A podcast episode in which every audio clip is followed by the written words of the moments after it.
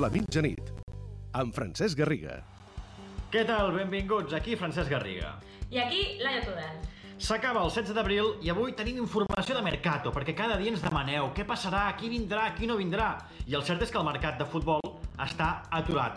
Si s'ha aturat el món, també s'ha aturat tot aquest mercadeig. Tenim diverses pistes. Sabem que la bombolla del futbol es desinfla i aquesta nit el Lluís Canut ens explicarà algun detall més per pensar que això és així, que s'han acabat els fitxatges a l'engròs, que s'ha acabat el moviment de milions, que el mercat del futbol patirà pel coronavirus i també ho farà el mercat de fitxatges. Perquè, Laia, eh, aquests dies ja hauríem de, de, de tenir noms, de tenir novetats, i de moment la cosa està molt, molt aturada. Ens espera un mercat d'estiu molt diferent, sense bombes, sense fitxatges milionaris, segurament, i el Barça ja sap que sortirà a fitxar amb molts menys diners del que preveia, perquè de fet de les sortides de les vendes de jugadors en traurà menys del que esperava i amb molta imaginació per buscar fórmules com intercanvi de jugadors. De moment, però, l'objectiu principal, que és Lautaro, es manté. Atenció, perquè Lluís Canut ens explica novetats del cas Neymar. Vindrà Neymar, no vindrà Neymar? Lluís Canut, informació que ens explica tot seguit. Aleluia, Francesc! Aquest estiu no hi haurà serial Neymar. Alguna cosa havia de tenir de bona això del coronavirus? Doncs resulta que amb la crisi que ha desfermat i de la qual el futbol no és aliè, doncs ens trobem que els clubs no tenen diners suficients com per fer front a aquestes, super, a aquestes mega operacions i una d'elles és les de Neymar. El Barça sap que, a part del pico que li demanaria al Paris Saint-Germain pel crack brasiler, s'ha de fer front també a una fitxa supermilionària que en aquests moments l'economia del club laurana no pot fer front. No serà perquè algú hagi posat mal a caixa, però el Barça no està en disposició d'atacar una operació com aquesta, entre altres coses perquè la temporada que ve haurà de reduir un 20% com a mínim el seu pressupost. Hi haurà altres fitxatges. S'atacarà el tema Lautaro, però de Neymar ja ens hi podem oblidar. Sense el mercat obert i sense massa operacions, el Barça es preocupa molt de l'economia. Per exemple, els efectes de no poder tenir públic al Camp Nou com a mínim fins a finals d'any, Laia. Sí, avui la Sònia Gemma ho explicava al tot costa. Treballa el Barça amb dos escenaris. El primer, que la gent no pugui tornar al Camp Nou fins a mitjans de novembre, o el segon escenari, en el pitjor dels casos, que es continuï jugant a porta tancada fins al febrer del 2021. Per tot això, el Barça el que fa de moment és aturar el cobrament d'abonaments als socis. L'any que ve l'abonament de moment no es cobra. A tot això, Quique Setién, entrenador del Barça, avui tenim alguna declaració més de l'entrevista que ha fet a TV3. Avui sobretot focalitzat en el planter. Ha parlat de dos noms propis, de Riqui Puig, qui necessita millorar, ha dit el tècnic del Barça, i Ansu Fati, que va anar de més a menys. La realidad es que Ricky hace muchísimas cosas bien, pero siempre lo he dicho, igual que todos, tiene cosas que mejorar. Es un futbolista extraordinario, tiene muchísima calidad y es un chaval que está poniendo muchísima voluntad para mejorar muchas cosas, pero todavía no le ha dado para jugar y quitar el puesto a otros jugadores que lo están haciendo por él. Una de las sensaciones de la temporada, sobre todo al principio, Ansu Fati, con la mano en el corazón, ¿le vendría bien una cesión? nosotros yo creo que está muy bien. De momento ha estado muy bien con nosotros, seguimos contando con él. Es verdad que al principio tuvo protagonismo, ahora tuvo un poco menos al final, pero es un jugador que contamos con él. Él es un chaval muy receptivo, muy majo, tiene muchas ganas de aprender, él siempre está con una actitud muy positiva, pero bueno, no lo sé, a lo mejor mañana si va a otro equipo y juega todos los todos los días y conoce otra manera de jugar también, pues a lo mejor también es positivo, ¿no? No es fácil determinar si va a ser conveniente una cesión o no. I va, que obrim el capítol de la sèrie favorita. Aquí no hay quien viva. Protagonistes, la Liga, la Federació i la UEFA.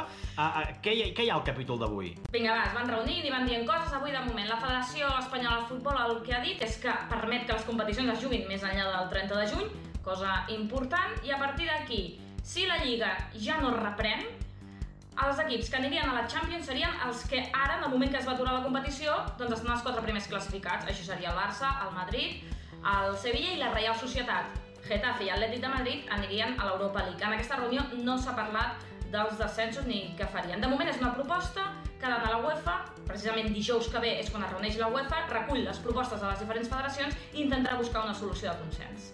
I atenció, perquè el món de l'handbol ha tirat pel dret, com mínim a Europa. La Champions League comença a tenir dates definides i tiren enllà. Ens ho explica el Ramon Salmurri. Què tal, Garri, Laia, com esteu? Doncs això mateix, aquest canvi de dates anirà també acompanyat d'un canvi de format. S'eliminen els vuitens de final i els quarts de final i directament quatre equips classificats, que seran el Barça, el Paris Saint-Germain, el Kiel i el Vesprem. Per què aquests quatre? Doncs bàsicament perquè són els dos primers classificats de cada grup. És veritat que en aquest context d'excepcionalitat la EACF ha volgut buscar una mesura que sigui el més justa possible, entenent que sempre hi ha un marge de certa injustícia per canviar les normes a mitja partida. Per això, els dos primers de cada grup, Barça, PSG, Kiel i Vesprem, seran els quatre participants de la Final Four que se celebrarà aquest 28 i 29 de desembre del 2020. Tot això queda expenses de la Comissió Executiva de la EACF de divendres dia 24. És l'única proposta que hi ha sobre la taula i és el camí que s'emprendrà, però s'ha de ratificar i serà oficial el divendres 24. Per tant, ja tenim el Barça a la Final Four de Colònia del 2020. Això l'handbol. El bàsquet també van donant voltes. Atenció perquè l'Eurolliga comença a definir ja canvis en el format de la fase final i el lloc. Sí, el màxim responsable de l'Eurolliga, Jordi Bartomeu, ha explicat avui que no es disputarà a Colònia la Final Four de l'Eurolliga i, de fet, parla de canvi de format. No estaríem parlant d'aquesta Final Four, sinó que sobre la taula tenen l'opció de jugar una final a 8. Tot això si es pogués reprendre la competició abans del 30 de juny. Si no, no podria continuar la competició, s'aturaria. Per tant, això implica una fase prèvia, també per concentració, en una, en una mateixa ciutat. I aquí el més important és pensar que es pugui fer d'acord amb, amb uns principis de seguretat i de, i de control sanitari. Volem jugar i per tant volem jugar perquè creiem que, que els, els aficionats ho estan esperant i més en aquests moments de dificultat necessiten, jo crec que necessiten també un entreteniment i crec que nosaltres eh, el nostre propòsit com a Lliga és aquest, no és un altre. I ja és dijous, i aquest dijous toca passar una mica de, de vergonya aliena, o mm. vergonya pròpia en el meu cas. Sí, sí, més tu, no? Perquè jo, escolta, molt bé, Cazorla, t'has portat molt bé, jo surto ben parada. Tu i les teves entrevistetes, una miqueta podeu, més. Podeu recuperar-ho al YouTube, al Twitter, mm. al Facebook, a tot arreu, a fragment del Follow Garriga, especial entrevistes. The roof is on fire!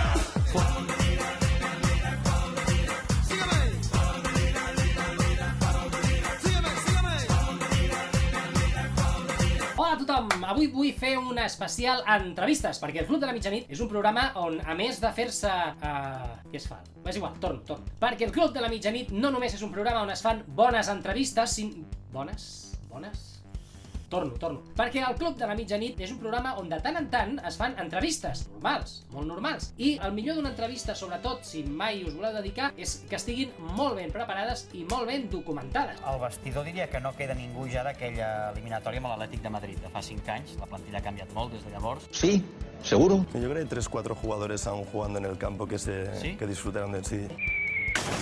Per cert, el Rolex Molina, que va jugar amb vosaltres la temporada passada, ha marxat a Venezuela. Oi, oi, oi, oi. Un jugador m'han dit, hòstia, pregunta-li perquè és, és un jugador molt interessant. ¿Quién, quién, quién? Molina. ¿Quién es ese hombre?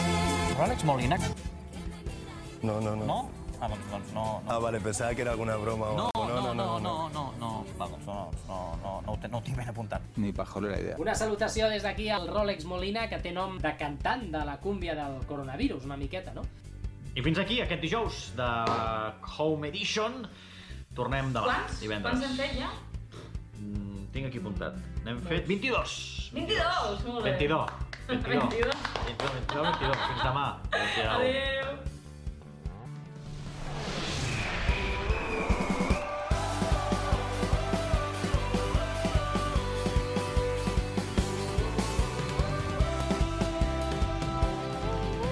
El Club de la Mitjanit, amb Francesc Garriga.